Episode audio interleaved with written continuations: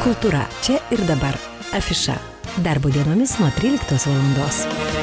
Sveiki, gyvi brangus FM99 klausytojai, studijoje prie mikrofono Eglenai ir kągi pats laikas mums laidoje Kultūra čia ir dabar afiša pasikalbėti apie kultūrą, apie renginius mūsų laukiančius Dzukijos sostinėje ir šiandien aš labą dieną sakau dailininkai, dailės pedagogiai Sandrai Kazlauskaitai. Sandra, labą dieną. Labą dieną.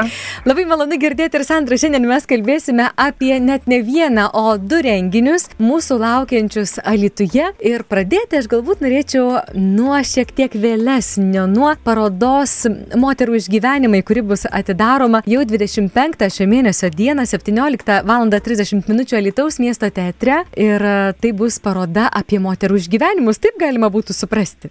Taip, praeitais metais laimėjau menininko stipendiją Lietuvos miesto būtent su šiuo projektu. Ir per tuos visus metus daug visko dariau, rinkau informaciją, istorijas moterų anoniminės ir paskui tos anoniminės istorijos buvo įrašytos audio įrašais, e, kurie parodos metu bus leidžiami e, su QR kodu nuskanavus, mhm. galėsim girdėti. Bus septyni paveikslai, kurie simbolizuoja moters išorę, nes pasižiūrėjus į moterį ne visada pasakysi, kad jai kažkas negerai. Ir septynios kultūros rodys vidų, kaip atrodo vidus tos moters Mhm. Tai va taip jai trumpai.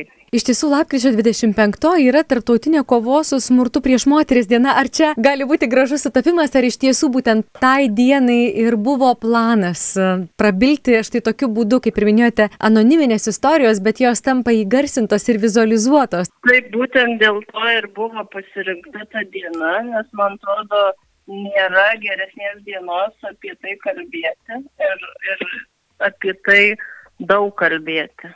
Tos moterys, kurios išsakė savo istorijas anonimiškai, ar teko jas ilgai tikinėti, kad na, jos bus įgarsintos tos istorijos, jos bus vizualizuotos? Aišku, ko gero, tai nebuvo tos pačios moterys jam žintos ar ne, bet vis tiek. Ar teko daug dirbti, kad na, atskleistų moterys tai, kas ką paprastai slepia, ko paprastai neišsako? Labai man padėjo Lietuvos moterų krizių centras, nes per juos gavau kontaktus tų moterų, kurios norėjo pasidalinti savo istorijom. E, dar ir pati iš savo žmonių rato gavau tų istorijų.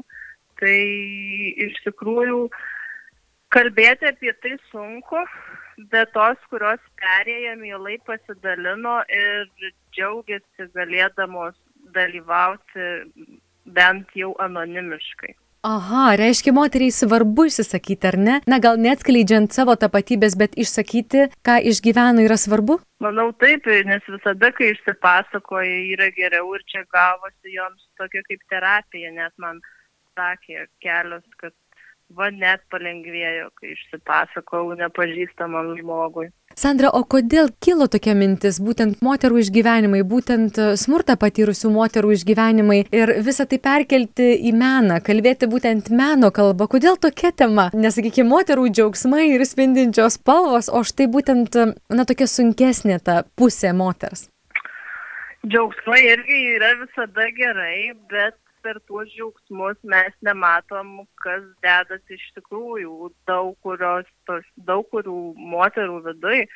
E, vien tik statistika rodo, kad kas trečia patiria vienokį ar kitokį smurtą, tai čia yra labai labai daug. Ir dar neaišku, ar tikrai statistiškai tai yra e, geri rezultatai, nes man atrodo, kad yra tokių, kurios apie tai nekalba ir nenori apie tai kalbėti. Tai man taip įsivaizduoju, kad jų yra dar daugiau negu kas trečia, turbūt kas antra gal. Štai užsiminėte, kad su Alitaus moterų krizių centru teko bendradarbiauti, bendrauti ir bendrauti su tomis moterimis, kurios patyrė na, vienokį ar kitokį smurtą, tų smurto rūšių yra tikrai ne viena, mes beje apie tai galėsim pakalbėti apie paskaitą šiek tiek vėliau, bet kalbant apie pačią parodą, atrodytų tokia tema, na, jinai tokia sudėtinga iš tikrųjų. Ir štai čia paroda, spalvos, skulptūra. Sandra, kaip jūs įsivaizduojate, kas galėtų būti tas parodos žiūrovas ir ar bus tos moterys pačios, kurio, kurių istorija bus įgarsinta, ar vis dėlto iki pat, iki pat galo tai išlieka anonimiška ir, ir neatskleidžiama?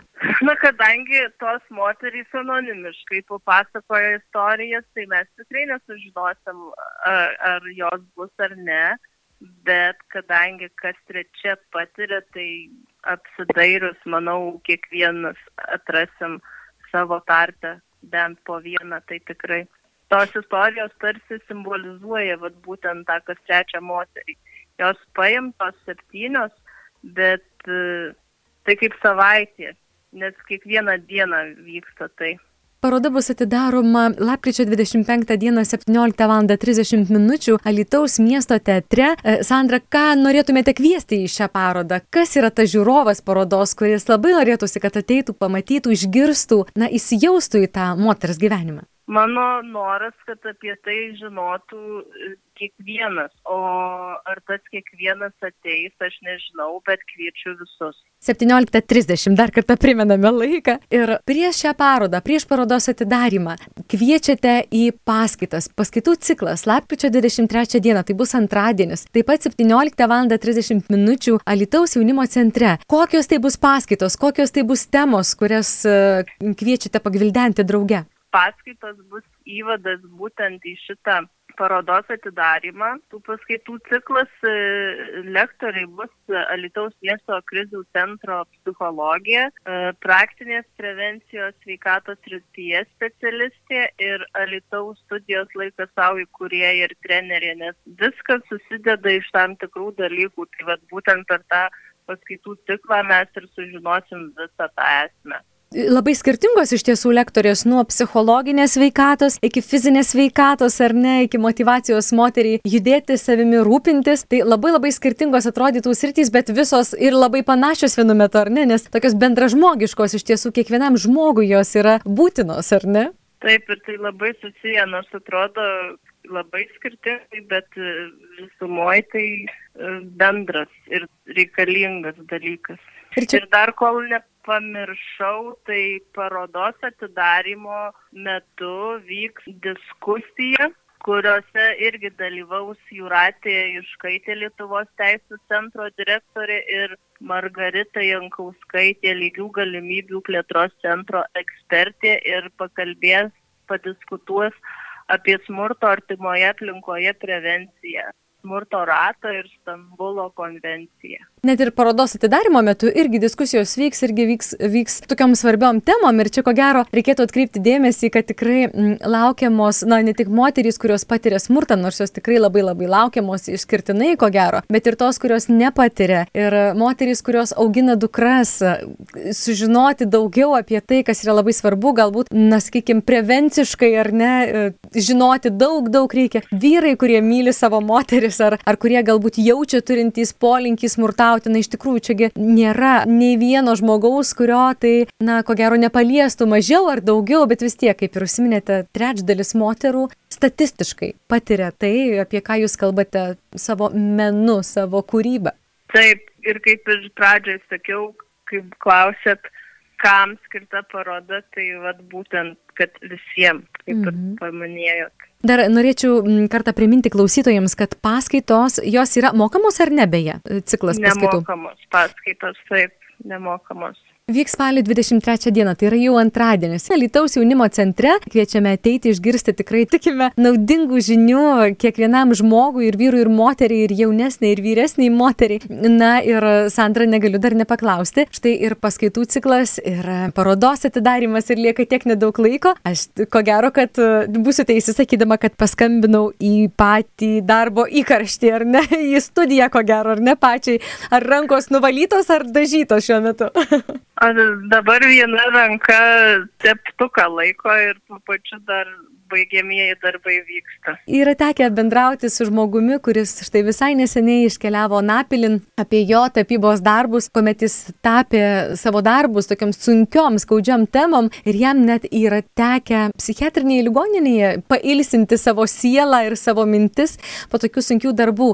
Kaip pačiai sekasi, na, toje temoje dirbti ir skulptūras kurti ir tapyti paveikslus ir, ne, ir nenutolti nuo gyvenimo, nes pati esate ir, ir mokytoja, ir dailininkė, ir mama, ir moteris. Kaip pačiai sekasi toje būtent temoje gyventi štai tokį pakankamai ilgą laiką? Aš nesuskaičiuosiu ant rankų pirštų, kiek kartų aš darydama šitą projektą galvoju, nu kodėl tu taip sugalvoji daryti, kam to reikia, nes labai sudėtinga prisiruošti ir tas slogi nuotaika ir emocijos. Bet paskui galvoju, nu, bet apie tai kalbėti reikia, paskui vėl galvoju, nu, kam tu taip darai, galėjai piešti bitutes ir drugelius ir daryti parodas, kad viskas gražu būtų bet paskui vėl galvoji, kad tai reikalinga. Tai va ir prieinu tos išvados, kad ir kaip sunku, bet reikalinga. Ir jeigu bent kažkam bus iš to nauda, bent viena moteris išdrys keisti savo gyvenimą,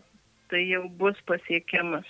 Sandra, šiandien labai labai dėkoju Jums už pokalbį, aš palinkėsiu sėkmės ir tikrai, na, džiaugsmas, kad būtent Jūsų projektas laimėjo jaunojo menininko stipendiją ir kad tokios svarbios temos yra iškeliamos į viešumą ir kaip yra tekę bendrauti su moterimis ir iš krizių centro, tai sako, turbūt tik tai jauna moteris ir gali iškelti šią temą, nes ypatingai vyresniems moteriams tai yra labai sunku, gal dėl auklėjimo, dėl tam tikrų aplinkybių, labai sunku apie tai kalbėti. Tai tikrai, na, džiugu, kad tos temos yra iškeliamos, apie tai kalbama viešai ir viešiau. Na ir palinkėsiu sėkmės, palinkėsiu gerų tų paskutinių jų akimirkų iki paskaitų ciklo pradžios ir iki parodos atidarimo. Ir dėkoju šiandien už pokalbį. Ačiū Jums ir visų labai lauksiu paskaitose ir parodoje. Kalbėjome su Sandra Kaslauskaitė, su dailininkė ir dailės pedagogė. Ir dar kartą priminsiu, kad lapkričio 23 dieną 17 val. 30 min.